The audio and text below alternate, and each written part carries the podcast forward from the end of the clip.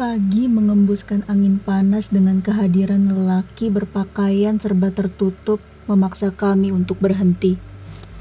Kalian berdiam diri di dalam dulu ya, ujarnya memberi peringatan. Memangnya kenapa pak? Balasku seraya mengerutkan dahi.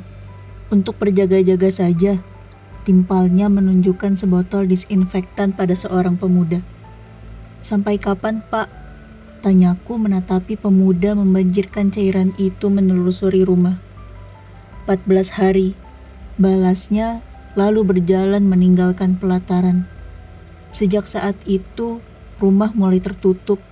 Orang berlalu lalang menatap risih perkarangan yang baru saja ditinggalkan tuannya.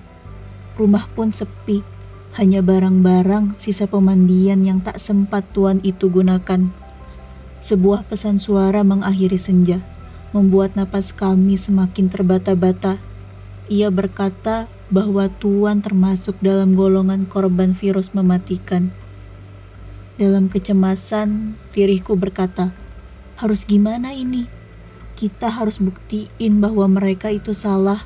Kita hentikan ucapan bahkan hinaan mata-mata itu untuk kita. Jawab lelaki itu dalam sambungan jarak jauhnya.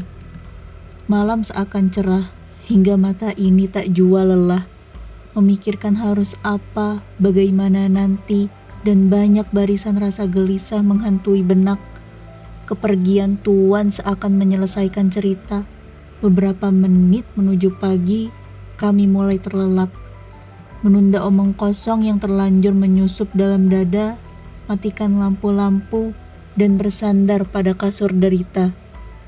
Bangun yuk, sholat dulu, ujar seorang wanita membuat mata ini ikut mengadah. Ruang tetap sama, Tuan tak akan kembali meskipun mulut-mulut menyelesaikan kabarnya. Namun, air itu tak kunjung mengalir.